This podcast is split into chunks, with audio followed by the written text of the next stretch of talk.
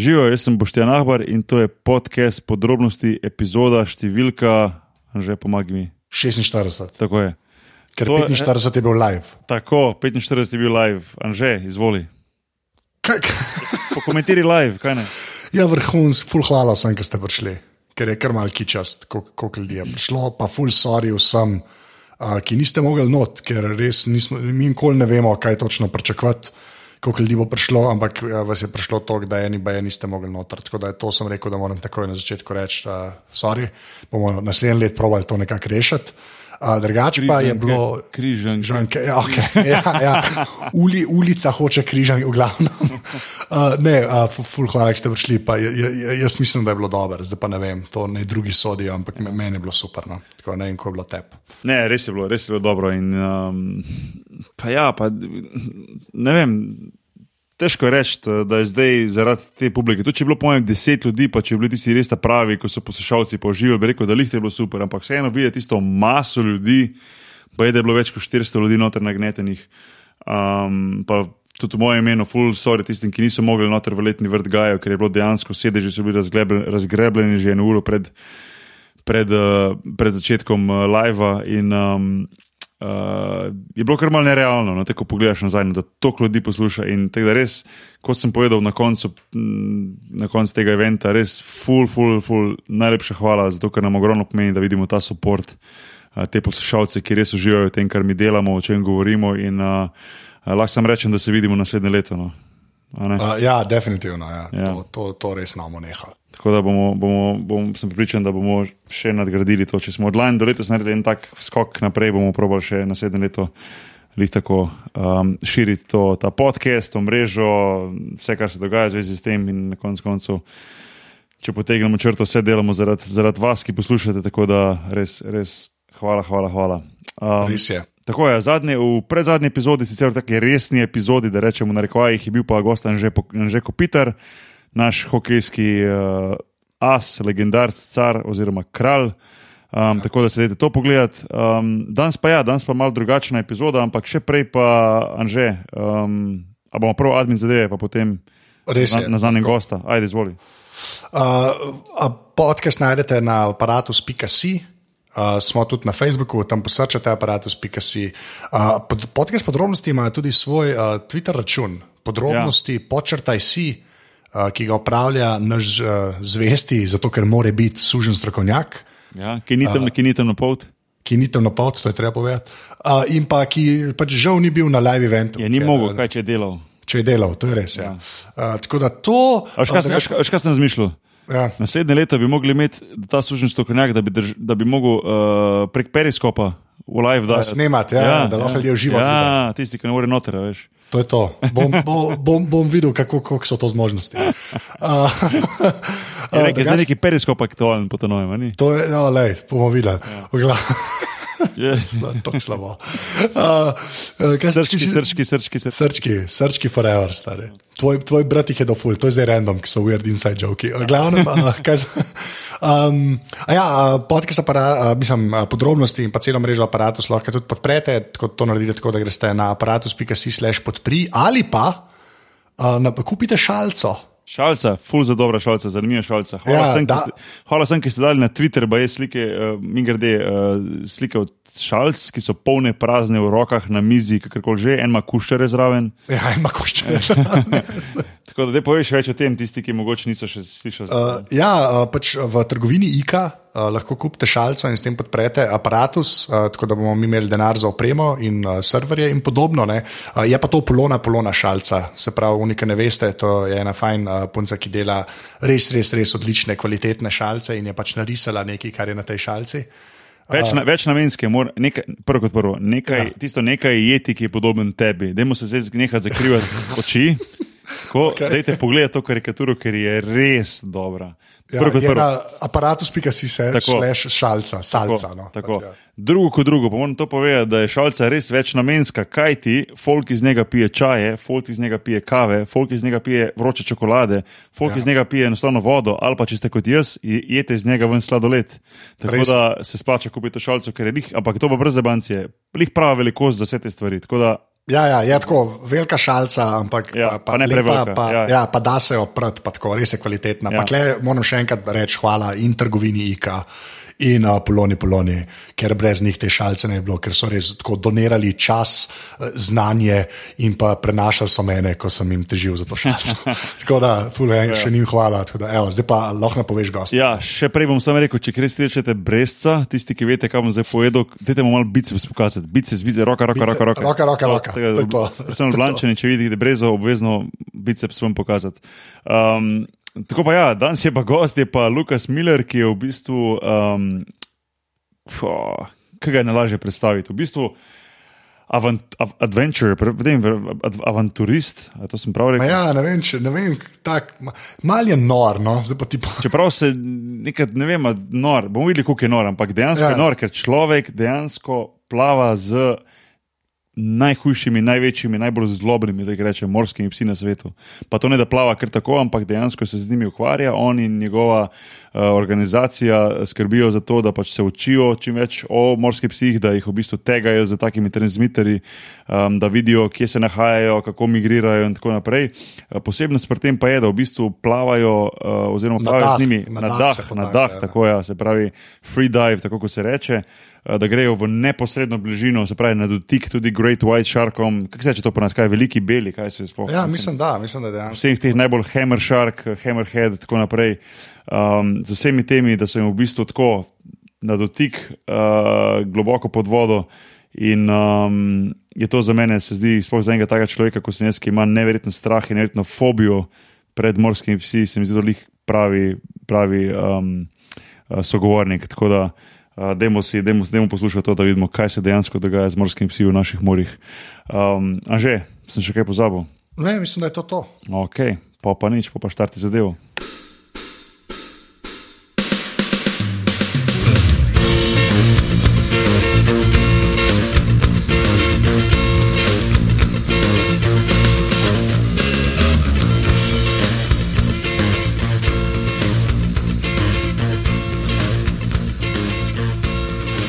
So we're here with uh, Lucas Müller, who is an adventurer, freediver, filmmaker, and probably a lot of a lot of other things. Lucas, how are you? Thanks, thanks for having me, Loki. It's an honor. Yeah, no, you, you you're welcome, and uh, thanks thanks for taking the time. I uh, I have to say that um, first of all, I hope Joe Rogan is not gonna be mad at me because I basically stole you as a guest from his show. Um, because I saw you you and him were going back and forth on Twitter about you possibly being on his podcast, um, and uh, you know, it, obviously you would fit right in. I mean, with what you're doing and and your and your job and your passion, I think it's it's it's it's simply amazing. Um, I don't wanna. I don't really want to be describing you. I think you can do it better in your own words. So maybe you can describe yourself and tell everybody what you're doing and and and you know and why you're doing what you're doing. Because I think you're, That's it. Yeah, that's pretty much it. in my opinion, and I'll tell you tell you later why. I think you're Why? absolutely crazy. No offense. nah, no, no, no problem. For sure, I'll, I'll do an introduction. But uh, first of all, that interaction with Joe was crazy, wasn't it? Yeah, yeah. I mean, he, obviously he he's. I think he's one of the best when it comes to picking the guests and picking the topics. But um, you know, just just to just to be be one of those guys. I think you just sent him a clip, basically, right, about you and and and the Waterman project, and then he just basically invited you on the show, right? Yeah, yeah, yeah. Which I think is it's awesome, and I hope it happens. You know. And the the that's the beauty about the internet is that um, you know there's always this slight chance that with Twitter or Facebook or whatever you can you can grasp grasp the the, the attention of of somebody that outside of the internet you wouldn't be able to reach and you know I, I send out a small tweet and i don't tweet a lot i, I try to do more um, but most of the time I don't have the time for it. And I just, you know, send out three um, random tweets at Joe, and, and I turned off my phone. And half an hour later, I look at my phone, it is just buzzing, and Twitter is going crazy, and and all these discussions, and um, it was great. It was great, and and and hopefully we'll. Um, uh, I've talked to Joe, and hopefully it works out in October. But uh, I, I think he won't be mad at all that that I joined your podcast. So All right. yeah, I hope not. But Um, yeah, can you take a minute or two and basically describe who you are and what you're doing? Because I think it's it's pretty impressive the things you things you do and uh, and how you do them. Yeah, for sure. Um, actually, I'm a I'm a pretty pretty normal guy. Uh, is how I see myself. I'm from Germany. Uh, I grew up in a in a very uh, normal neighborhood. Um, my parents.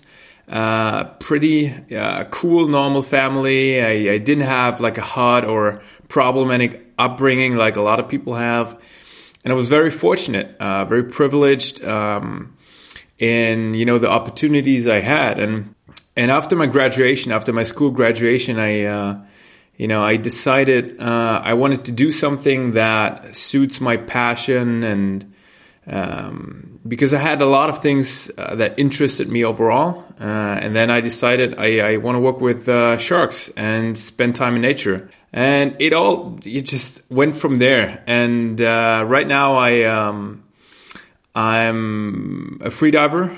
Um, I go on expeditions for the Waterman Project, which is a nonprofit organization in Switzerland, and uh, basically what we do is um, we place transmitters and take samples of big, large predatory sharks uh, and other big marine animals that um, live in, in very inaccessible locations or are very difficult to approach.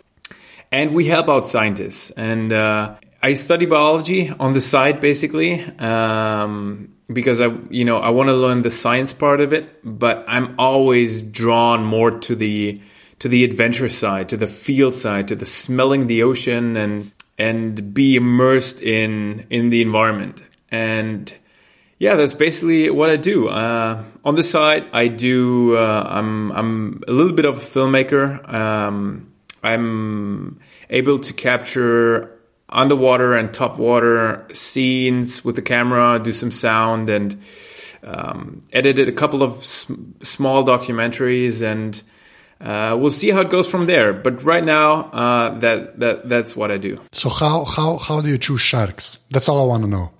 Because of all the animals, how how the hell do you choose sharks? Yeah, because because Lucas, because you said like, oh, you know, I'm studying biology, you know, and then here's sharks. I mean, it's not like you. The way you describe it is almost like you're talking about butterflies, you know, like it's just so simple, so sounds so simple and so yeah harmless. I mean, why? Yeah, why sharks? Uh, why sharks? Um, I'd say it's it's been in my genetic code. Um, to be honest, um, when I was when I was three years old, I saw the first shark in a book, um, and soon documentaries followed. And my dad is a pretty crazy guy when it comes to that. Um, my mom uh, didn't let us watch TV channels where there was uh, advertising. Uh, we're not allowed to have any weapons as toys. Uh, when we were playing with little Lego um, toys, she'd always take away the guns and the knives and the swords. Um, but my dad, he, you know, he had to, to, you know, be a pacifist to, to satisfy my mom. But anytime he got the chance, he'd show us uh, t- National Geographic documentaries where lions were just ripping apart. uh, gazelles and crocodiles hunting um, and sharks, of course. And um, it, it, was sharks. I don't know why. I, I, have the first the first image I drew uh, of an animal was uh, was a shark. Um, and my mom showed it to me, uh, sent me the photo two weeks ago. Something uh, was pretty interesting and. Yeah, that, that is pretty cool when a person, you know, when you I always look at it like that when when when you have an opportunity to do something that you love, you know, like especially if it was like a childhood dream or childhood passion that you maybe now you know even don't remember that you had, but you did. It's always really cool to be able to do that in your adulthood, to do something connected with that, because I think it's completely different when you have a chance to do that instead of doing a job that you basically hate. You know what I mean? Yes, yes, and I think if you have something that touches you, that grabs your attention when you're young, and you go back to it later and you pick it up as um, as a hobby, maybe as a side job, or even as your main job, then it's different than when you're 25, 35, and you haven't found your passion yet, and then you pick a random hobby or something to occupy your your time or to you know get over with the weekends.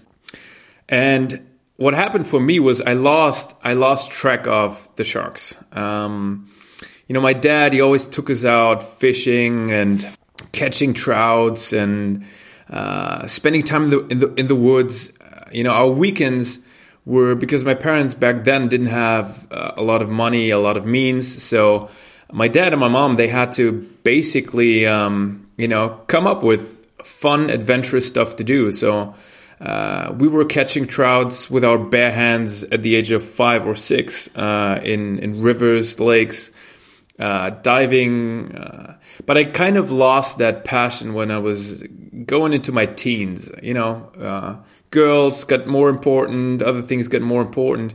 And i lost track of it. And after my graduation, that was when you know I I had to find something that you know I would study or do, and I had no clue whatsoever. And I came across a website uh, that offered volunteerships in South Africa, and you could work on one of those uh, cage diving tourist boats. You know where they sounds great. Sounds great. sounds perfect. Yeah, and and I I saw that image of a great white shark, and and all the I could smell the adventure, uh, and I I saved money for 12 months and I spent all that money on six weeks working with great white sharks in South Africa. It was a great adventure.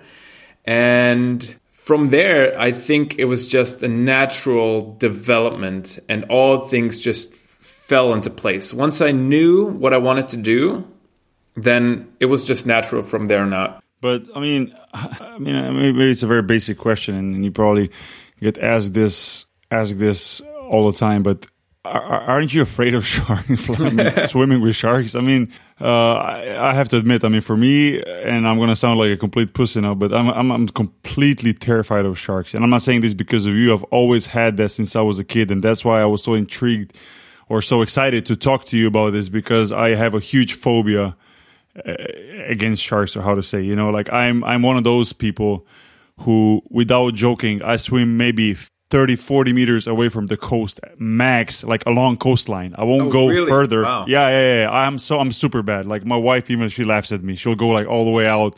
I mean i'm not talking about adriatic sea here in europe where we don't even have any any any big sharks or any sharks. You'd be surprised You'd be surprised. You have great whites in the Mediterranean. Don't scare me, please. yeah, yeah, but like a great white will venture into the Adriatic from time to time, right? Yeah, yeah, for sure. Yeah, that do. actually does happen. Oh, re- oh, I didn't know that. Oh, I'm gonna start doing only pools from now on. no more no more sea. But seriously, like I have this huge problem. Like it's just a mental block that I can't get over with. Like I, I if I want to do like a swimming practice, which comes great in, in my off season when I don't do basketball, for example, like I'll, I'll, I'll rather do pool when I do like laps up and down in the pool instead of going out in the nature, which is much better, which I would prefer. But I'm just so afraid of sharks and I don't know how to get over that. Like, if you know a way, please let me know because even my wife is laughing at me when I can't get into the sea more than 20, 30 meters away from the coast. So that's that's interesting because uh, do, do you know how when you were afraid of sharks uh, or what triggered that fear? Yeah, I think after I saw Jaws movie as a kid. Ah, okay, yeah, that, that got me. I think. Yeah, yeah.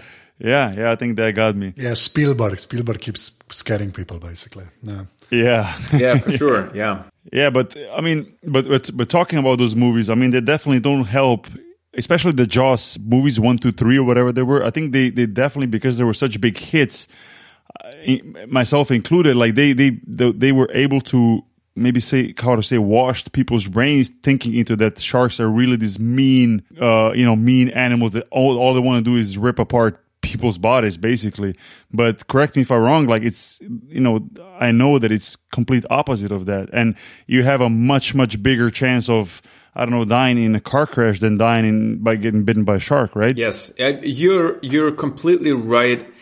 I mean jaws uh, it had a huge impact on how people perceived sharks and i think there's a few movies that can have such a profound impact on how we see the world, on how we see things. Um, and sometimes we underestimate the power of certain movies and, and media. I mean, uh, just the other day, somebody told me that after Top Gun with Tom Cruise and Val Kilmer uh, came into the cine- cinemas and theaters, um, there was a 40% increase in enrollment in the Air Force in America. Yeah, oh, the Navy. Yeah, Yeah, yeah, I know yeah. this. Yeah, yeah, the Navy. And the Yeah, Navy, know yeah, yeah, yeah, which was insane, you know. Um, so, so And that, that was probably because there's probably also because everybody everybody thought that you automatically automatically get that cool bike that you can ride when you're not on the plane, you know. yeah, yeah, classic, yeah. yeah, but but yeah, yeah, movies have a huge impact. I agree. And um, with with Jaws, you know, your generation, and I think uh, back then Jaws had a huge impact. It had not only a huge impact on how we perceived sharks, but also how we acted on sharks. There was a lot of people who who went out trophy hunting for great whites, and you know, um, even even today, uh, I think Jaws is part of the problem. Also, part of the problem is that the media, um, despite movies, is using sharks as uh, you know a topic to generate views, to generate sales. Anytime there's like uh, a period in the news, uh, mostly in the summertime when there's nothing going on, like when there's not a lot of events happening or topics happening, and you they run out the, the same stories over and over again they'll go back to covering shark attacks because they know you know they they'll sell uh, you know airtime. And it's become like a re- self-reinforcing cycle you know it's become cool or a standard in the media to do that. It's a tool to go back to when there's nothing else going on or you're just not good enough of a journalist to to cover something. And uh, this is a huge problem and it it especially for people like you, people who already have a misperception or uh, a phobia of sharks, then this feeds right into into that fear. So you know, I hear that from a lot of people that it's Jaws or it's the news or it's a movie, and um, what I tell you is that if you'd go on an expedition with us or you, you and I would go shark diving, then I promise you, after 10 or 20 seconds, your entire perception of sharks, what you feel, what you think, will be turned upside down. You'd be fascinated, and your fear will turn into fascination within seconds. Yeah, that also happens if you watch Shark Week every year on Discovery Channel. That's what I did. Yeah. Like, no, I'm serious. Like, Shark Week was always like proper documentaries on sharks without the whole sensationalism of, you know, shark attacks and stuff. And it kind of, you know, I, I'm, I'm that serious. Like, that's what I, when I found out sharks were actually just, you know, a fish, like a large fish, basically. No, that for sure. There's also because I, I do watch a lot of like like whenever I see a documentary about sharks, I'll watch it, and I have to say that there are some documentaries that that at least I, I think do a pretty good job with trying to introduce shark as a species in a good way, not necessarily as a as a as a natural just a natural killer, you know. Um, but I was trying to say before, like I, I believe what you're saying, Lucas, but I don't know if I'll be ready to jump in water knowing there's the sharks in there. This will be the hard part. Once I'll be inside the water, I think you know I, I know what you what you were saying to to turn this into for fear different into fa- fascination. But God, like knowing there's sharks in the water, you have to push me in too. I mean, it's it's the same with with everything. You know, everything you start with. Um, uh, be it in climbing, be it in basketball, the first steps are always the hardest. And no, it's true. It's true. I agree. To overcome a fear, once you take that first step, um, you know, it's it's half the way. Um, regarding Shark Week, I mean, uh, it's funny you, t- you, you say that that in comparison to the other media you've you've seen, that Shark Week has been the most conservative and accurate depiction of sharks because from my experience uh, when I have seen great hammerheads in the Bahamas, or blue sharks in the Azores, or great whites in, in Mexico, uh, even Shark Week, most of the time, is a total sensationalism of what really sharks are like. Okay, I will qualify that that the Discovery Channel, when I was like 15 years ago, was a very different channel. I will say that. Okay, that could be. Okay. It was a, a much a much better channel than it is now. Yeah. Now it's all people building bikes and fighting. That's pretty much the Discovery Channel. Yeah, now. and and, and store store storage Yeah, and wars, all of that and, I crap. don't know, So- tr- ice, Oh, ice, yeah, ice yeah. road Yeah. truckers. No, seriously, like Discovery Yeah. Channel 15 years ago was actually like a documentary uh, films channel. Like a lot of great stuff. Shark Week was an actual thing that made sense. Yeah, what it is now, that's I don't I don't even watch it anymore. Honestly, like I just gave up. So yeah, I am I am complete, complete agreement there. So yeah, Yeah, t- TV has changed a lot. Yeah. sure. Oh yeah, that's an understatement. I think. Yeah. And you, you, you made a good point before, Lucas. It's, it's all about sensationalism, you know, how to draw audience. It's almost like they don't care anymore that, like you said, Anže, like 15 years ago, Discovery Channel was actually a great channel because it seems like they care more about the content, not about the numbers of people watching. Now it seems like it's all about how do we get the most people to watch our channel, and they they do it sensational. They do all these crazy things and uh, people arguing and people fighting. And you know, if you look at like commercials for for for some some TV shows they have, it's all like wow, boom, bang, like you know, all crazy stuff instead of basically showing uh, shows that actually can teach you something, like like it was maybe 10, 15 years ago, like you said, Anže. Yeah, I, I think it's it's tiring. Uh, if, if if you look at be it the internet or TV, uh, there's a tendency to um, for sensationalism because you want to draw views, you want to have clicks, you want to have traffic, and um, I think it's it's part of evolution of how we consume media. Uh, I think over the last five six years you know everybody wants to produce the next viral video. Everybody wants to use social media and have 50,000 tweets a day. And i think at some point this will change. I think the more people are using social media and and want to produce viral videos and want to be sens- sensationalistic the more people or at, at least a certain group of society will grow tired of this and will say i'm i'm sick of you know the 50,000s inspirational quote and blog about makeup or blog about uh, some person that wants to be the next famous blogger um, that you know there will be a demand for investigative journalism or in-depth blogging coverage. Um, and i think it's only a matter of of a couple of years until that market maybe manages to transition to the internet as well. We'll we'll, we'll see. Yeah, I, ho- I hope you're right. Uh, you're way more, yeah, you're way more optimistic than I am on that. But yeah, like I, I no, I, I mean, I, I'm, I'm, I'm, I'm in, I'm in between. Like, I hope that happens because there's just so much crap on the internet now. It's crazy because everybody has access not just to see but to post things. Yeah. Oh, oh my god. Or yeah. to, or to, or to, or to modify f- videos, or to modify photos, or to Photoshop this and and adjust that, and um, you know, it's, it's just simply too much. Yeah, at some point, and I know what you're saying. Like at some point, you just have enough. Like you know, it's just it's just too crazy. And I hope maybe if not the, the the our generation, maybe like the next generation that grows up with this, they're gonna be able to like distinguish between, like you said, investigative reporting and what's good reporting and and what's not, and and, and really hopefully being able to shut down this craziness that's going on on the internet every day. But I think Anže completely disagrees, right, Anže? well, not completely. I just think that that's how it's always been. It's just more people now are online. That's pretty Yeah. much it. Yeah. Like that, that, that whole market for proper journalism has always been there. It's just always been a way smaller market than the rest of everything that's in the media. And that will always be the bigger piece of the pie, like always. That's how it's always been. And I, so I, I, I, I hope that happens, Lucas, but I, I think you're going to be disappointed. like, uh, I, I I agree with you that the the um, the majority of people will uh, want to consume easy media for sure.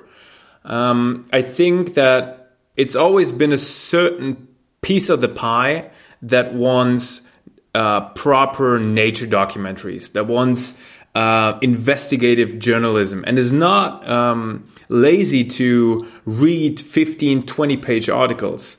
Um, I think that the piece of the pie of those people that were, you know, that documentaries were made for and TV has has dropped dramatically. But I see certain changes in if you look at Netflix, for example, in the beginning Netflix focused on on hit series, on comedy, on things that were really, really popular and not on niche markets. And now I'm I'm starting to see there's more nature documentaries coming back. More, in, you know, that Netflix and other platforms see that there's still a market of people, be it on YouTube, be it um, people that have not, you know, accessed the internet for that content. Um, you know that they're starting to cater to that portion of society, but. I agree with you.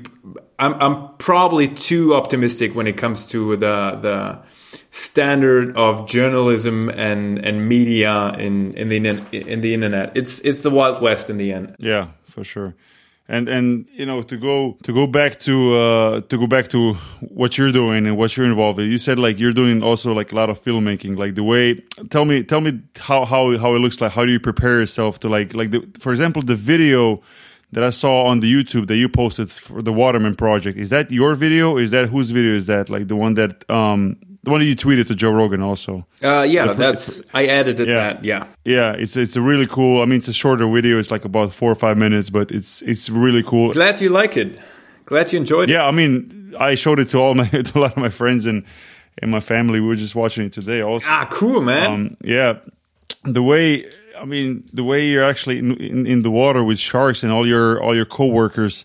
Um, but the the most impressive thing is about it is that you guys are like basically free diving. I mean, you don't see you don't see those big uh, oxygen tanks on your backs, and I mean, how does that look like? I mean, go getting up and getting you know catching breath and then staying for the water in, in, in the water. How long? Like, how does that all you know go because once you're on the water you can see what's going on but when you're not it's difficult to see what's what's underneath you you know um freediving is one for me it's it's one of the coolest sports and activities you can do um as i said earlier i've tried a lot of sports i've tried a lot of different things and when i started to do freediving i i found what i was looking for and basically what freediving is is you you hold your breath and you dive. And then when you can't hold your breath anymore, you go back up and you know it's it's diving without the oxygen tank. And you know most of the people that I meet and that I talk to about diving say wow that's that's incredible that's dangerous that I could never do that.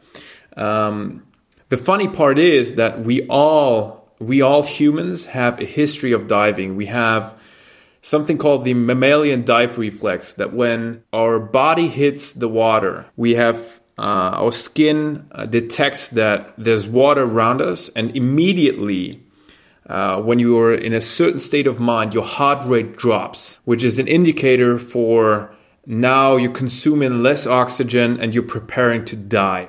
And the reason we're freediving or that uh, Fred and, and Will, my two colleagues um, or mentors, um, the reason they started freediving with with sharks and developing to, to tag sharks on on freediving, on breath hold diving, uh, in comparison to scuba diving, and I scuba dive myself, is when you scuba dive, you do the Darth Vader sound. You do the typical.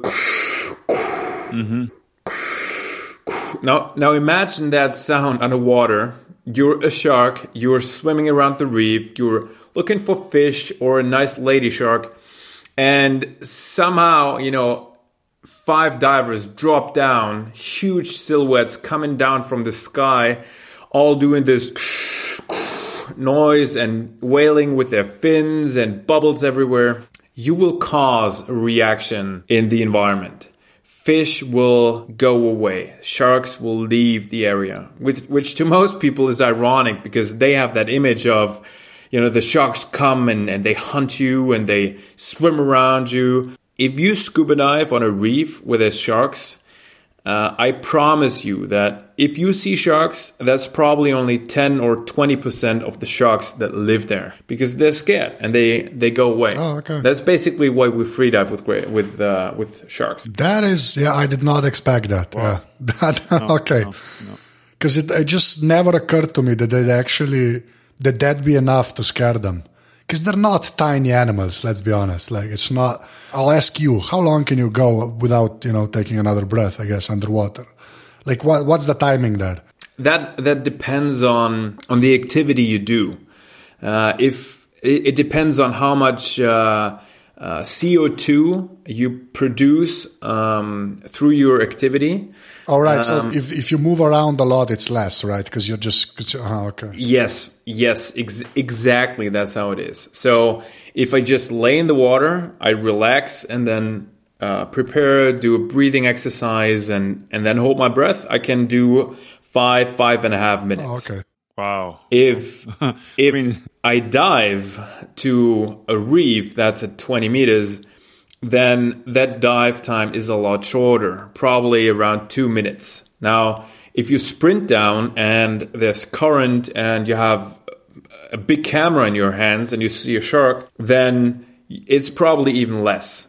So uh, it always depends on on the activity, on the state of mind you're in, how relaxed you are. But um, pro- probably when we dive with sharks, it's not longer than two two and a half minutes underwater. Okay. But still a lot. I mean, stay, I, I don't know how much I can go. And Anže, how much? What you got? What you think you got? I don't know. I, I could probably do a minute, but if I stay completely still, yeah. Because I found that out. Because if you move around, you're yeah, it's it, yeah, it just because you consume too much energy and then the CO two, Lucas, to, to focus, for example, on, on great white sharks. Um, which aren't the best sharks, right? I'm just gonna say that why not? Why they're not the best shark? Why are they not the best sharks? because the hammerhead is the coolest shark there is. Oh, come on, man. That is just a fact. You guys are cool, man. Yeah, yeah. Hammerhead is the funniest one, but the white shark is. no, it's the coolest. The, the coolest shark is the hammerhead shark. Come on. You know your sharks, Anže. Well, you know, I don't like. I don't know all of the species, right? But when you look at them, go- it's Yeah, but you know? You know what's up. The great hammerhead is my favorite for sure too. Oh, I see, see. Why? Why? Why is it? Why? Is it just because the way he looks, or behavior, or like why is it your favorite? Uh, it's it's it's it's everything. It's great hammerheads are my favorite shark for several reasons. Uh, first of all, they they have this amazing anatomy, this amazing hammerhead. It's called cephalofoil. Um, they have amazing fins, these characteristic big, long dorsal fins that look like like blades, and they're they're super fast and they're super agile. You know, they're probably one of the few sharks that can spin around on its own axis and bite their own tail. They're super fast. Oh, awesome. And um, it's you know it's it's all of these things combined and and as well if, if when you when you dive with great hammerheads they're fairly big sharks they can grow up to five and a half six meters i guess and they're really relaxed in the water. You can you can see a great hammerhead from the distance and it comes at you slowly and then you see it turns. 10 meters away from you it turns and then it circles. That's it, it goes away. You don't see it for 15 minutes. And it tries to figure out what are you and and feel your heartbeat and your presence because the shark doesn't want to get hurt. It's not about you know ambushing or hunting because the shark you know hammerheads they they they they're a little bit shy. And then they come closer and you can have really up close interactions. And they come close as you know the eye of a hammerhead has been five centimeters away from my camera. And and they're really relaxed to dive with. You know when you dive with bull sharks or great whites because they they're more uh, bigger sharks they hunt bigger prey it's it's a little bit more challenging you have to look more you have to be a little bit more careful than with great hammerheads and that's why i enjoy uh, this species species so much I mean, do you know the reason why is their head shaped like a hammer? Like, why is there? What's the advantage of having eyes so far apart? Do you know in this species? I never. I I mean, I don't understand that. Why is it different than other other sharks? You know, what's the what's the, what's the advantage? Basically, I'm trying to ask. Fir- First of all, the the the first advantage the cephalofoil, the hammerhead, gives that shark is uh, it's a lot easier for them to be agile and move around up and down. They can do quicker turns because it's like a like a steering blade on a sail ship. You know, the bigger that that blade, the the faster they can turn. Um, so they found that uh, the head shape actually enables them to be that agile and do quick turns. Um, and also, they use this hammer um, to hunt uh, stingrays. So they'll swim around the bottom, the sandy bottom, where their rays, you know, try to hide the stingrays in the Bahamas. and then or other areas, but we we saw them in the Bahamas. And then they, they go slowly around the, the sandy bottom and they have these sensors called Pius de, de Lorenzini and Purely de, de Lorenzini. And they can detect electro, electromagnetic fields and tensions in the uh, currents in, in animals. So when they go around the sandy bottom and they have this huge surface on the hammerhead, they can detect prey really well. And then what they do is they use the hammer form to flip around or knock out the the stingray and then eat it. So basically, that head is is for agility and hydrodynamics, and also for uh, hunting hunting stingrays. And they found that was that was incredible. I saw um, a report the other day that they found a hammerhead that had uh, more than twenty stingray barbs stuck in its head from feeding on the stingrays. Wow. Jesus. Okay. um, but are, are they more, would you say they're more dangerous or more aggressive towards humans than, than for example, white sharks? Or is that a stupid, stupid, stupid question? you know, um, is that a stupid question? Like, uh, I mean, is it possible to specify which which sharks are more dangerous for humans and which are less or is basically you know they're all the same or basically just depends on situations and how you behave towards them and so on and so on? They're all after Boki basically. That's that's all we need to know. Yeah. yeah this is basically therapy. This is not a podcast. This is just Boki trying to yeah, work yeah, it out yeah. Yeah. And then then the the podcast is called Lucas Miller uh, explains what sharks are the most uh, dangerous killing machines on the planet. I, for sure, yeah. Uh, no, uh, uh, you're right. It depends on it depends on situations, like everything in life. You know, when you when you, for example, when you play basketball, um, and somebody says, you know, who's the most difficult player to play against, it depends on the situation. It depends if it's an offense situation, a defense situation. It depends on the ball. It depends on your mood, the player's mood. Uh, has he an injury? Are you injured? Um, uh, what's the strategy of the team? So everything in life depends on a situation. And I, I wouldn't say uh, sharks are dangerous from an objective objective standpoint when you look at when you look at the statistics, you look at the numbers, you look at you know how little people have to fear sharks when when they go into the ocean. Um, at the same time, you know, sharks are predators, and so are lions, and so are grizzly bears, and we tend to when we go into grizzly bear country. When I was in in Canada hiking and doing uh, grizzly bear watching and all that stuff uh, everybody was was taking precautions. You know, even people who have never been to uh, you know hiking or in the outdoors, and even people who were experts in the outdoors, everybody took precautions, and nobody was arrogant or disregarding the fact that you could run into a grizzly bear. Now, when we go into the ocean, we take for granted certain safety feelings, a certain comfortable feeling that nothing is going to happen. And people think that the beach, anywhere you go, be it in Australia, be it in Africa, or uh, in the US, in Europe, you think the beach, that's our area, that's human area, that's our surfing place, that's our kiteboarding and swimming area where we let our kids play in the, in the, in the sea. And we forget that sharks, uh, it's, it's the sharks' environment, it's their home, it's their sea and that we have you know that we have to make a conscious decision when we use that space for our activity. Now certainly when we talk about diving with sharks there's sharks that you can that i would you know let beginner divers dive with and let them interact with sharks. And then of course there's certain shark species that i would rather say do not seek out the interaction. Don't go there and seek out active interactions with these animals. It's kind of like, um, let's say, with bears uh, or wild cats. You know, when you go uh, to Canada, you know, there's black bears, there's there's grizzly bears. Uh, if you go really far up north, then there's a polar bear. Now, if somebody asks you, um, you know, how do you interact with bears? You know, then that ranger would probably tell you, you know, there's a big, big difference between seeing a small black bear and seeing a giant polar bear and being aggressive towards it, for example.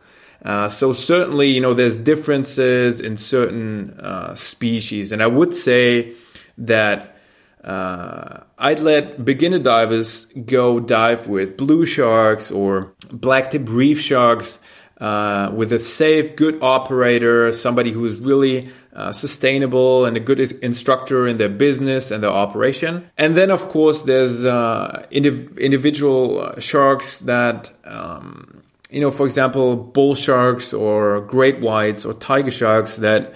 Uh, you have to have a certain experience in diving. You have to have a certain experience in um, seeing your environment. You have to have a good team and of course a very good operator that with with safety uh, guidelines and, and sustainable operation to make sure that you do all this in a safe environment. Earlier, you well, you mentioned this, for example, being a surfer and being in the water. I don't know if you saw there was a clip, like maybe came out a week or two ago, maybe maybe more, but I saw it like a couple of weeks ago. It's pretty fresh. Like it was one, is it was it was filmed live on TV while there was some surf competition going on. I believe it was in Australia, but I'm not 100 percent sure. It was in, uh, in South Africa, actually. South Africa, yeah. When a, when a, when a shark attacked a surfer while during during competition.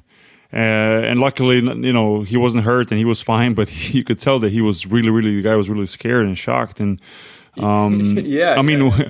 obviously, but I mean, is is there a way? I mean, again, you guys are gonna laugh. I'm not asking this for my for myself because I'm not surfing, but but is is, is there something you can do if there if, if you see a shark nearby you? Like, how do you how do you avoid getting attacked? How do you how do you get yourself out of this these situations? You know. Now, in in this situation, it was it was one of those situations which. Um, you know the video went viral. It was the the surfer I recall was Mick Fanning, and they were uh, surfing in South Africa. And South Africa is home to one of the biggest population and and density of white sharks on the planet. And so some of these surfers in South Africa, I'd say most of them, they accept a certain risk when they go into the water, and they have that in the back of their mind. Um, and in this instance, you know, you could see the shark was definitely approaching uh, the surfer, and there was a little bit of, of splashing of water. And was it was that a great white? Do you, can you tell which shark was that? Yeah, that that was that was a great white shark okay. for sure. Um, and I'd say this: um, I don't like to to to use the phrase attack, shark attack, mm-hmm. because that's mm-hmm. a very negative term. And actually, what happens most of the time when uh, somebody uh, you know, is approached by a great white shark or bitten by a great white, is the shark lets go. You know, in this instance, nobody was bitten, but the reason I'm saying this is if you look at the, the number of accidents or incidents that surfers, swimmers, or, or divers had with, for example, great white sharks, uh, in 99%, uh, the shark did not consume the person. It was just a simple bite now, if you get bitten by a five meter or four meter or three meter great white shark with sharp teeth, then obviously that small bite will leave a mark. It will leave, you know, an injury. And most of the time, people bleed out or or die in the hospital or in the process. Um, but the shark lets go because sharks, you know, they don't have hands, you know, to to investigate an object. And especially if the visibility is not that good and the shark has problems identifying what that is, you know, and uh, most of the time the shark ha- is, has been watching the surfer or diver for a longer time, then they take a test bite to feel and, and, and check out what is this? Is this a seal? Is this a dead whale? Is this something I could eat? And then they realize, okay, this is not something I should eat and they back off. Um, in this instance, you know, nobody was hurt.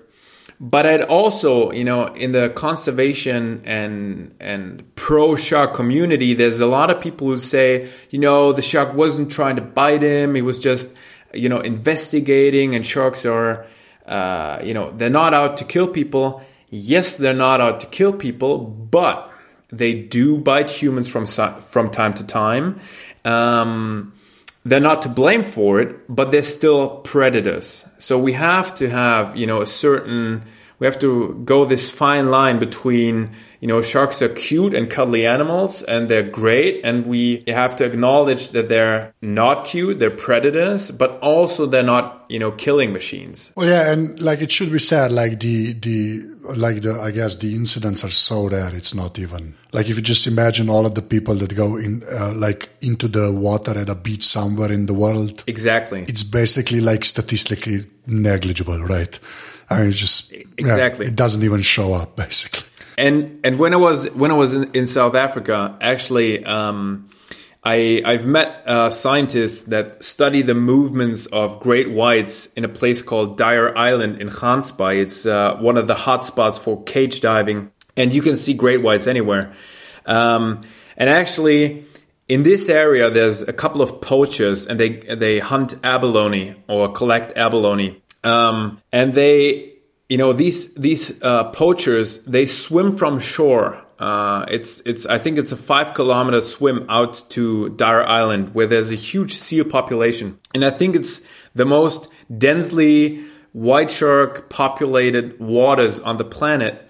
And for the last I, I, guess it was 10 years. These poachers go out every day and swim back and forth between these islands. And only, I think, five years ago, there was one incident where one of these poachers was bitten by a shark. So now imagine how often these poachers must have uh, encountered great white sharks and followed by great white sharks. And uh, you know, sharks would have the opportunity to to consume or, or bite or whatever uh, these divers a lot of lot of times, but nothing happens. But obviously, you don't see that in the news. Mm-hmm. No, yeah. Obviously, the news are going to, like we talked about earlier, point out and sensationalize when there's one attack per year, for example, does happen. You know? Yeah, yeah. Um, but no, I asked, I asked earlier, and and maybe there's no answer to that. I was, I was just asking, like, is there a way if you see a shark, like, what do you do? Like, because they say, like, for example, and you can correct me if I'm wrong with this one too. Like, they say, like, if you see a bear, just like stay still or like act dead yeah, or like yeah. whatever. You know, I mean, is there like something you can do if there's a shark nearby and you're in the water or on a surf or or whatever? Um, what I'd say, the best advice I think somebody should give you uh, or could give you is uh, take precaution measures. I mean, um, if you go into a car, you know, um, and somebody asks you, uh, what do I do when you know I'm about to have an accident on on the highway? Then you know in in driving school they don't teach you uh, you know extreme situations how to you know when your car you know spins at 200 kilometers per hour and you jump around the road and your car explodes what do you do? Uh, what they teach you is uh, push the brakes and uh, put on your buckle you know buckle up before you start driving. Yeah see, it's, yeah yeah yeah fasten the seatbelt how to say. You know when we take this comparison with the bears and the sharks is when i was in canada these rangers they told us, you know, if you go through the forest and you don't have uh, toothpaste or muffins or anything that smells good with you, and you stick to the rules, you stick to the hiking paths, and you shout every you know 15 20 seconds you shout hey bears how's it going? We're coming. So you let the bears know. Then you know, most likely with a 99% chance, you won't encounter a bear. Uh, and that's how you avoid the situation. And with sharks, I, I tell you, um, look up the waters, you know, look, is there a population of sharks here? You know, and in South Africa, there's areas where you can probably very safely uh, dive without encountering shark. You can't reduce the risk to zero, but you can minimize it. And then there's certain areas where, you know, there's more sharks. Sorry, for example, earlier I said, oh, but in Adriatic Sea or Mediterranean, we don't have any bigger sharks, blah, blah. You said more than you would think. Yeah, yeah. Like, what are we trying to say by that? Like, I mean, even Adriatic, for example, is there like, I mean, there's always a risk of, of encountering a shark, but I, am guessing that there's obviously areas where the risk is much, much smaller than, for example, Australia or Hawaii or South Africa. And, you know. Yeah, yeah, for sure. I, I was just uh, messing with you, Boken. Um, okay. I uh, it, it, in the Mediterranean there is great white sharks. I think it's one of the most international uh, and transoceanic species in terms of migration, and s- certainly, certainly the uh, population of great whites in the Mediterranean has been reduced by a lot.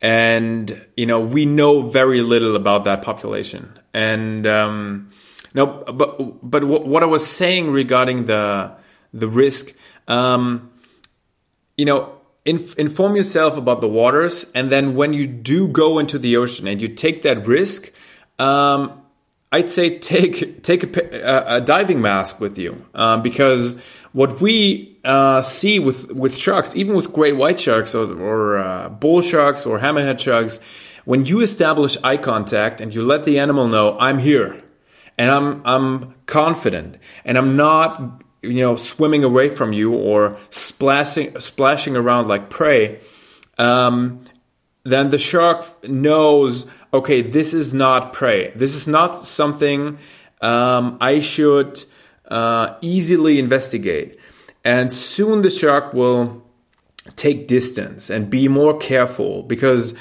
uh, sharks, you know, they don't have a doctor. They can, when they're injured, they can go to the hospital or doctor and fix their eye or fix their fin. Um, so they have to be really careful when when approaching prey. So let's say this: when you go out to surf, when you go out to swim, take a pair, take a dive mask with you, and every now and then check the waters. Check whether uh, there's fish around you. Check whether there's sharks and then when you see a shark, don't panic. Be be relaxed. Uh, look at the shark, establish eye contact, and I guarantee you that most of the time, the shark will either circle around you a couple of times, check you out, and leave, or leave immediately. You know, there's a lot of videos coming up on YouTube right now uh, of uh, encounters with great white sharks in, for example, in Florida because the population on the east coast of the United States has increased over the last years, luckily, um, where divers encounter a great white shark by accident. And in 99% of the time, the shark just cruises by uh, for a couple of seconds and then it leaves, you know. And other sharks, like reef sharks, etc., uh, they're way smaller, and most of the time, they're once you establish eye contact, they will leave and and leave you alone. All right. I hope I don't ever get in those situations. But thanks for the thanks for the thanks for the advice. Uh, you really. should you should come out. You should you guys should uh, should come out.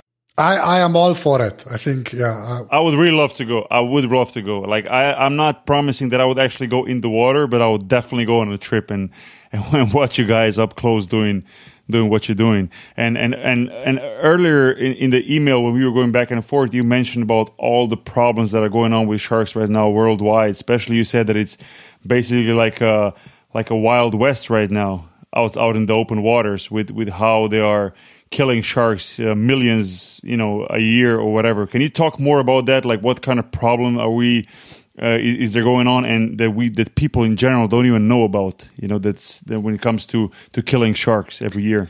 Yeah there's uh, it's it was to, to me it was heartbreaking. When i first saw what's what was going on with the seas and how we overfish uh, our oceans i was heartbroken. Um, and most of people don't know this. Um, there's you know uh, more and more people start to realize what's going on. They see documentaries, they see um, media. Uh, basically, what, what's what's happening with sharks is uh, there's some something called shark fin soup, which is a delicacy in uh, in Asia, mainly in China. Yeah, I've heard of that. Yeah, yeah, yeah. yeah. I've seen. I, actually, I was just in a, in a, in, a, Chinese restaurant here in Slovenia a couple days ago, and they had a shark fin soup. I was, I mean, I was like, Ugh. I mean, I didn't eat it. Yeah. no, but that's the terrible thing because they just take the fin, right? Yes, exactly. I heard that they basically catch a shark, cut yes. away the fin, and they release the shark, which basically dies because it can't swim normally, normally again. It's not only like. Uh, it's it's a horrible scene, you know. If you see it, uh, it looks very, very disturbing, but also it's it's really unsustainable. Like if if you would, uh, for example, imagine imagine a country would um, take their sheep, take their pigs, uh, take their cows, and just cut off the legs and then throw the rest of the body, the rest of the meat away. Just leave it, dump it on the open field. People would go crazy because we have a certain, because we see it, because it's happening on land. It's happening right where we see it. But because we, few people look below the ocean surface, because many people have this fear like you have that natural fear and maybe also this this increased fear through the media that you do not want to go into the water because few people look underwater uh, and because the ocean is so vast we don't uh, immediately see what's happening and basically what happens is there's numbers that are being thrown around from 30 million sharks killed per year to 100 million maybe more uh, nobody knows. That is that is unbelievable. That's like mind blowing numbers. I mean, it is 30 million, 100 million. I mean, do, do, we know which nations, like which countries, are the worst at that? I mean, imagine I don't know Asian countries, African countries. Like how does yes. The, the the most uh, fins are consumed in China and Hong Kong, mm-hmm. but also uh, you know, we in Europe we tend to point at China and Hong Kong and other countries, and and say, uh, you know, raise our finger and be like, you're such a bad guy, you're killing sharks. But most of the people don't know that um, most of the sharks that are uh, shark fins that come from the Atlantic go through Spain. Uh, really? And Spain is one of the the major trading places on the planet for shark fins. It's in the EU, and um, you know, over over the last years, pressure has been building up uh, on certain countries, but uh, it's it's n- not enough. It's there's still a lot a lot to be done to to to ban shark fin trade.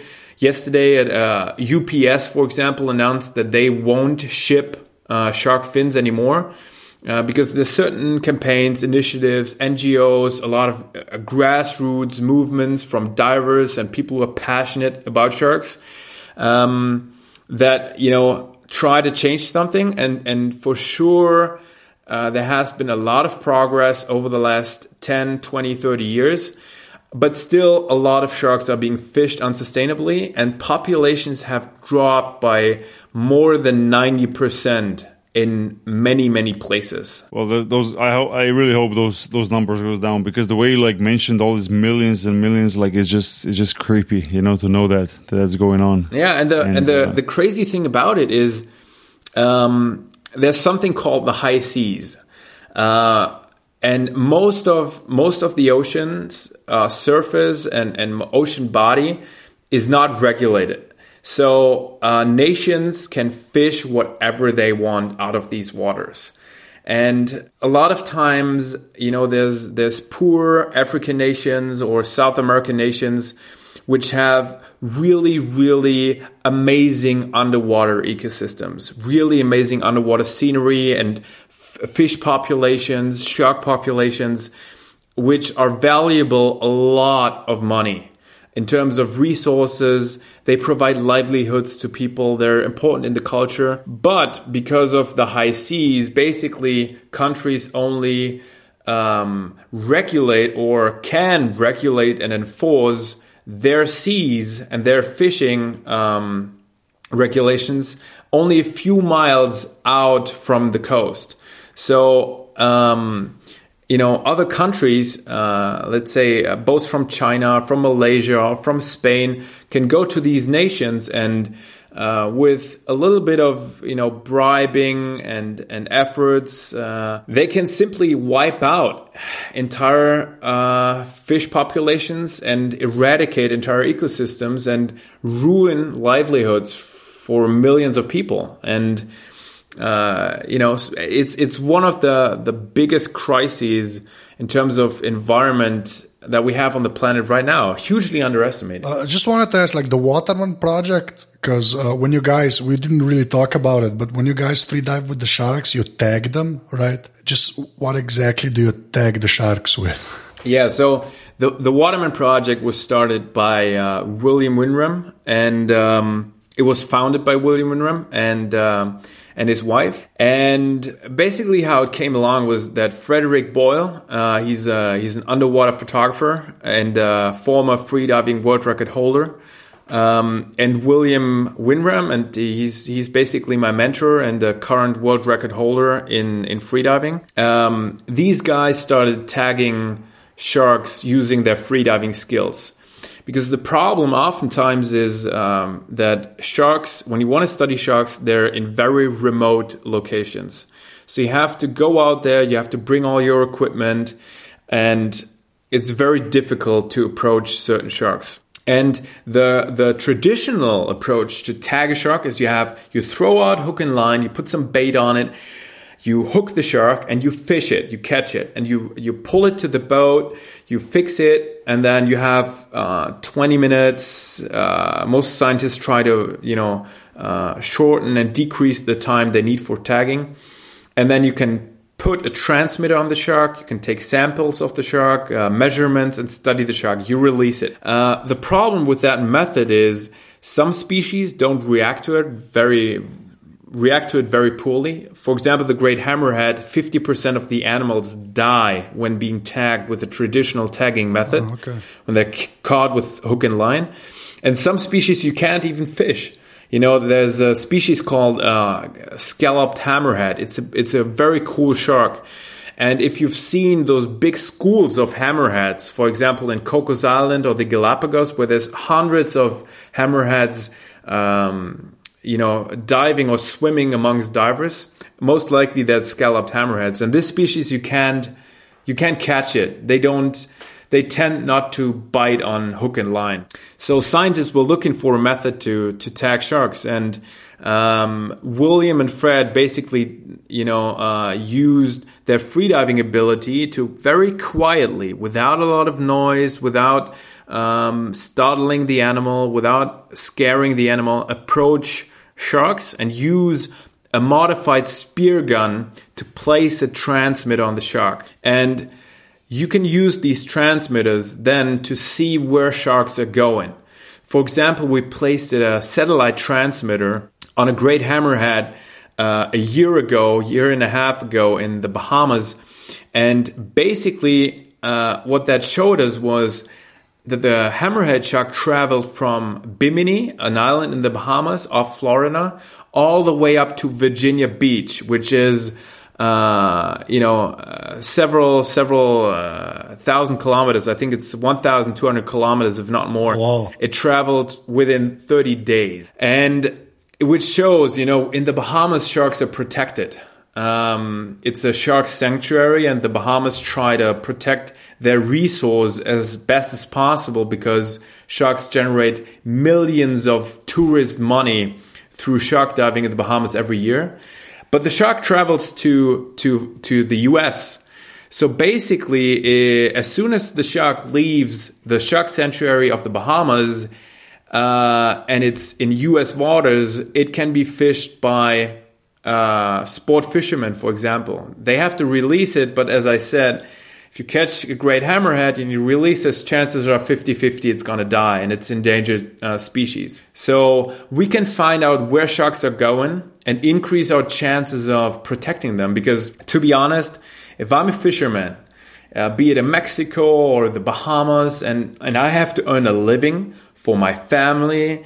I have to provide uh, money f- and then food for my kids and pay for their education money and and just simply earn a living. Then I'll do anything for it. And if some scientist or some conservationist or some freediver comes along uh, as a privileged person and they have uh, education and all that knowledge comes along and tells me, okay, you can't fish for in this area for five months of the year in the entire country. Then most likely that fisherman will say, well, I'm not able to earn a living that way, so I will break the law and continue fishing. But if you can approach these fishermen and explain them, uh, basically there's three or four reefs that are hotspots for a certain species of shark during a certain season of the year and and ask them and the government to protect and close down fisheries at specific areas for specific species at specific times of the year your chance of you know getting these fishermen to collaborate with you and getting governments to collaborate with you increases dramatically. So that's basically why why we tag uh, sharks is to find out where they go and when they go there. And do you know which sharks might migrate the the long the biggest distances? Is there like one species that goes further than the other, like in general, Um, or or you know, like for example, does does it actually like go from continent to continent as well? Yeah, there's there's certainly uh, several species that, that are capable of doing that. Uh, great white sharks, for example, are a great example for that. There was a shark uh, named Nicole that was tagged by a scientist uh, called Michael Scholl um, in South Africa and his colleagues. And Nicole traveled to from South Africa to Australia and back within, I guess it was uh, a little less than three months. Um, but I, I, I'm not sure I'm correct on that. I had to, I, I'd have to look that up. Still, the distance. That's the distance. Still, I mean, it's a goes- huge yeah. distance, and there's there's been other great whites that uh, do a migration from uh, the east coast of the of the U.S.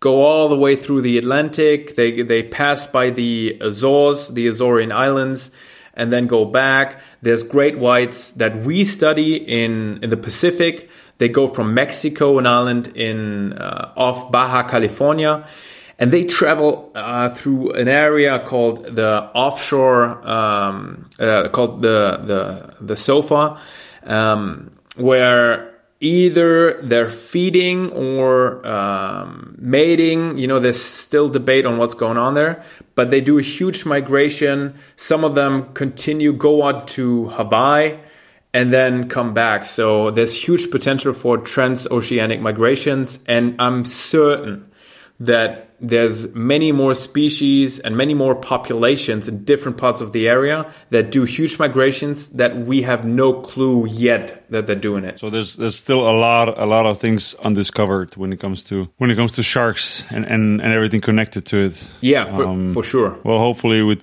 people like you will you and the people that, that do similar job that you do that will will know more about it in the future. I'm, I think it's a it's a super interesting species, a super interesting animal. Uh, that's like you said, it's uh, misunderstood in a lot of ways in, in, in the time that we live now. Yeah, thanks. Uh, thanks for for uh, having me. By the way, um, because Yeah, no. it's it's not only you know it's science is one thing and tagging animals and but it's also trying to engage the public and uh, be it through podcast, be it through radio or TV to engage people and let people know that uh, you know what science is about and and not be all you know scientific about it. Explain it Yeah, in in a, in a, in a very is a, how to say I would say user friendly uh, way. That's but a I don't know pretty what- good for lack of a better description, word. Yeah, you know what I mean. Like so so am I user friendly? Yeah, you yeah, are for sure. Yeah. I am okay. Um, for the end, I just want to ask you, like, what's what's what are your goals? Like, what are you looking forward to? What are you trying to accomplish in in in in the li- the line of work that you do? Man, um, I mean, is there a set goal, or you just go with it? Just go with the flow and just uh, you know live out the, the adventures that you're participating in, or is there some goals that you want to achieve when you're you know 40, 50, 60, whatever? You know. man, um, that's a good. That's a really good question. Um, I do have projects in mind. There's certain projects I want to do, um, and I do want to keep on studying science. Maybe do a PhD, etc. But I really, really love what I do at the moment. Um, and the Waterman Project, you know, as as a really hands-on organization and and doing expeditions and not be so theoretical about it, but you know, be in the field and doing actual real work and science and reaching out to people and you know, being able to share it with people like you and all over the world is is a huge blessing and I love my my job. I, I get to work with with some of the best if not the best uh, free diving athletes and ocean explorers on the planet I get to learn from. So um, I certainly I will go with the flow. I will keep on doing what I do. And then uh, if there's this, a, a huge project I want to do, I will I will pursue that. And um, yeah, maybe maybe maybe in in five years we'll we'll hang out again on a podcast. And I don't know, maybe I'm a butterfly scientist, as you said. we'll see. The way the way you talk about sharks, I highly doubt it, but we'll see. but I, I'll definitely love to talk you talk to you about in in a, in a few years and, and see where the project has has gone, has you know where where it's gone and uh, where you are and what you're doing. And uh, I'll definitely be listening to the Joe Rogan podcast when you're when you're a Yeah, guest over sure. there. Yeah, I'm- I, I'm I looking hope forward that to works out. Um, yeah, and um, if if you guys ever want to do uh, a shark dive, if you ev- ever want to come on expedition, you're uh, highly appreciated. And uh, Oh, I'm gonna pester Boki to do that. Like, you, you, you have my word. I'm just gonna, I'm gonna keep reminding him that that's an option. Like, well, well, we'll, we'll, Lucas, we'll keep in touch, and uh, once once I get enough, once I get a, once I grow balls big enough, like they say, we'll we'll join in one of those expeditions. But I'd love to do it. No, seriously, I would love to do it. Yeah, for sure. because it's not only you know it's not only the diving part. When people come on expedition with us, and we always welcome people that are interested who do not have a science background or a freediving background to join us on expedition and um, l- take a look at the science. And instead of doing a diving safari and spend the money on a typical, you know, dive boat, they get to, you know, they get to prepare the tags with us. They get to see the tagging, and they get to, you know, reconnect and re-engage with science and and all that. So if you guys come, you'll see the tags, you see. You see everything, and you'll learn all, all about butterflies. Just one question: you you don't have one of those huge steel cages, do you? I mean, Ah, I we do, we do. You do? Um, okay, maybe that uh, would work. What we what we do with the white sharks for sure is, and I I, I always like to mention, or I have to mention it uh, for my own conscience is um, when we go to Guadalupe Island, where you have the biggest great whites on the on the planet, I think. Um, there's cage diving is an industry there, and it's a really important industry because it allows people to see great white sharks from a cage, from a safe environment, without uh, the risk of something happening because a diver makes a mistake or is uneducated or there's a certain difficult situation and maybe you know somebody films it the footage comes out and then you'll have millions of millions of clips like with the mick fanning video of a shark being depicted as uh, something that it's not maybe a killing machine um, we always for people that join our expeditions um, have people in the cage. Um, there's that trend that at certain locations in Guadalupe and other areas, people want to go outside the cage and want to touch great whites, want to cuddle them, want to have a photo with a great white. Um, and I, I personally uh, am not a fan of that when it comes to media coverage, etc.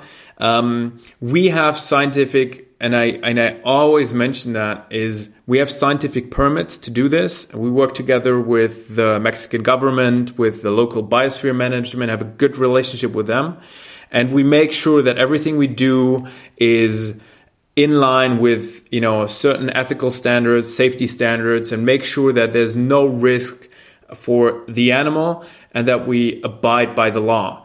And we see that oftentimes that people have this overcompensation from, you know, sharks are depicted as killers. So to change that paradigm, we have to cuddle them, we have to touch them, we have to ride them. And without saying names or going to the whole politics, I'm saying is, uh, you know, if you want to do something good for sharks, um, then you know it's good enough to do a cage dive. It's good enough to uh, maybe dive with a blue shark first and then work your way up.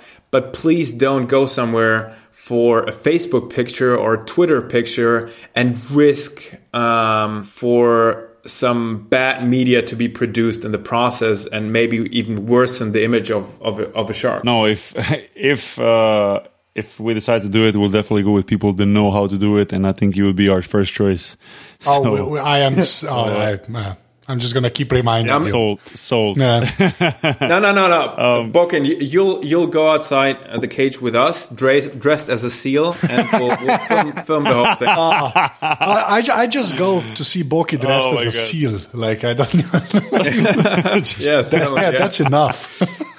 Like I went to one of those like water worlds places a couple of months ago with my kids to see to see uh, to see dolphins, and I fucking felt horrible about it. Like the way they are kept in there. I don't even know like if they switch them back and forth, like bring new ones in and release them, or how does that work? But it's so horrible to be like um to be like captured in this small area and i saw like this photo of this one water world like in the states somewhere i guess in florida where it showed comparison to like the parking lot around them which was like miles and miles and miles and then the pool where those dolphins live was like s- super small compared to the parking and you would like thinking to yourself like even the freaking parking is like 100 times bigger than where these Yeah. these uh these dolphins are kept you know Yeah. so but yeah it definitely wasn't enjoyable for me but i think like zoos and all these things is definitely good education education tool to say so for kids. But other than that like i i, I hate going to zoos and, and and all these things because i just get depressed by by being there you know? Yeah, I mean zoos and and aquariums and certainly uh,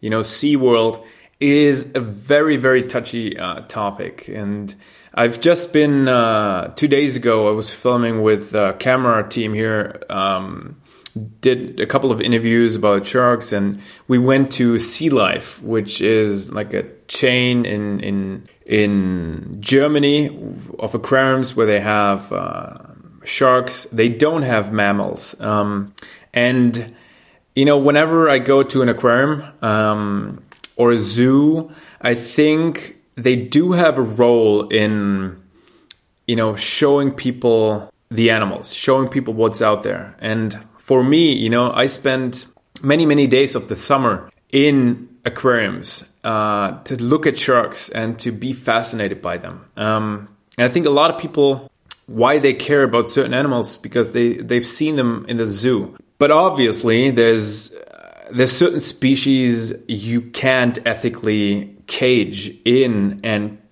and let live on a few square meters. Uh, from you know apes like orangutans or killer whales, you know, you you just you just can't if you want the animal to have a good life. Yeah, no, it's uh, it, it's really bad, and I had like a super bad experience when I, I I played in Russia. Uh, one season, actually, I was like a half a season. I was in Kazan in Russia, and they actually, believe it or not, they had like a zoo there. Even though like I don't even know how these animals survive in the winter, for example, because the winter is super cold over there. But the zoo I went to, I, I even stay, still have some photos on my old phone about it. Like I, I tweeted about it at the time, and obviously not expecting that anything would change but I, I just try to let like at least my friends who are like following me on twitter and people know what's going on like the the the, the conditions that the for example they had bear bears and lions and and you know some of the mammals there the condition that those animals lived in i think the people who are keeping there they should be like they should be going to prison because i have never seen Yeah. anything worse than that like basically a bear like a big bear living on like a I would say not more than like four or five square meters cage on a sun on like a concrete um concrete bottom you know? Basically no roof no nothing and and and just Damn. sitting there and just just laying there like not even moving. Like when i took my kids there like we left after like 15 minutes because i was like i'm not even gonna like show my kids like just a basically half dead um bear living there on like being tortured like that. It's horrible. And those are the things that are like you know making me like depressed because if i if you go to a zoo and you see like the animals are really well taken care of and they're an educational tool and young people can live for um, learn by it, from it and so on and so on i can kind kind of understand it but other than that i really don't Yeah. i really don't see a point you know it's just making profit for some people but Oh, you should see you should see Blackfish then. what is that That is uh, the most depressing documentary about uh, aquariums. i don't know i have to check that out Um, actually i don't know if i want to You have, yeah, no, you should. Like it's it's the, it's a great documentary, but it's it's a little depressing. It's about the orca whales in uh, SeaWorld. It's just yeah. lucas you, you know about this Uh, yeah, yeah, I've, I've seen it, um, and it's it it certainly has uh, its its drawbacks as let's say an objective documentary, but it really gives a good insight into um, what can happen if you cage in a, a, an extremely intelligent mammal like a killer whale. What will happen to them? And basically, what happens is, as Anže can can confirm, is Yeah. you know. Um, that that train, trainers at SeaWorld uh, were killed by Yeah, but they're not really trainers. That's the whole point. Like, well, they are, but not all of them. yeah Like, I was just surprised at the just lack of sort of. At least that's how it is in the documentary. I was just surprised at the sort of lack of expertise in those places. You just kind of assume everybody there knows what they're doing, and clearly not everybody does, right? I don't want to generalize Yeah, too yeah. much, but yeah, it was kind of weird. No, it's it's a it's a depressing documentary, but it also it gives uh, it, it was really successful, and I think it put Yeah, some pressure on the uh, yeah, Yeah, on yeah. the aquariums. Yeah. Book, you should definitely watch that document. No, I'll check. I'll check it out. What did you say it's called? Blackfish. yeah blackfish, and um, with with sharks it's different. It's um, if you interact with uh, let's say a killer whale or a whale. Certainly, you will have a chance of an interaction, but most of the time, dolphins, you know, they see you. When we were in Mexico in Revillagigedo, um, you know, I saw a dolphin, a pot of dolphins. They checked me out. Then they, you know, circled me twice, and I tried to interact with them, and they realized, "Fuck, man, this this guy is is is crippled. This guy, he can't even be as fast as us. He's not fun diving with us. He's just sitting there with his stupid camera." Um, so they realize how incapable of uh, diving you are, you know, and even, you know, free diving athletes, the best of the world, you know, can't match the speed and agility and underwater intelligence that a dolphin has. So most of the time they just see you, check you out, take off. With sharks, it's different because they they're uh, evolutionary you know they've been around for millions of years hundreds hundreds of millions of years i think 100 million years great whites have been around for 70 million years so you know they they're I, i'd say they're more primitive in terms of uh, how they investigate food I'd, I'd say dolphins are a lot more intelligent and they check you out and they know in an instant you're not food, you're not prey. But sharks, you know, they, I'd say they're not that intelligent as a dolphin, so they'll check you out. And that's why it's so amazing to have, in, in, you know, to have a great white shark or tiger shark or a hammerhead shark or even a blacktip shark swim past you and investigate you because you can feel that there's a certain part of the interaction that you control, you know, by your body movement, by your language, and there's a certain part that the shark controls. And with with mammals, it's just you know either the whale or dolphin decides it you're fun or not.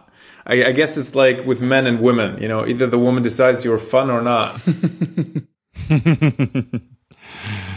All right, and and and on that note, let's uh let's let's wrap it up. Uh, Lucas, I I can't thank you enough, man. This was an awesome Yeah, conversation, man. Like, uh, y- and I hope some of the listeners are gonna agree. But to me, like, you really opened up my eyes about sharks, and uh, uh, I'm not I'm not bullshitting. Like, I do feel feel better about it. Like, finally, I had the chance to talk to about it. Somebody to explain me more about it and to to make me understand the, those animals and those species a little bit differently. And uh, I can't thank you enough for taking your time. Yeah, thanks. Thanks a lot for uh, for uh, having me, and um, no, I, I, appreciate it. I was really, uh, I was a bit nervous, uh, to be honest, to do the podcast because in in TV or radio you can always, you know, edit something, and it's it's a little bit filtered. You have takes, and um, I enjoyed this, and hopefully at some point we can do it again, and uh, and hopefully I was a worthy worthy guest of your podcast. Oh yeah, no doubt. We, we'd love to do it again, and uh, Absolutely. Yeah. you know,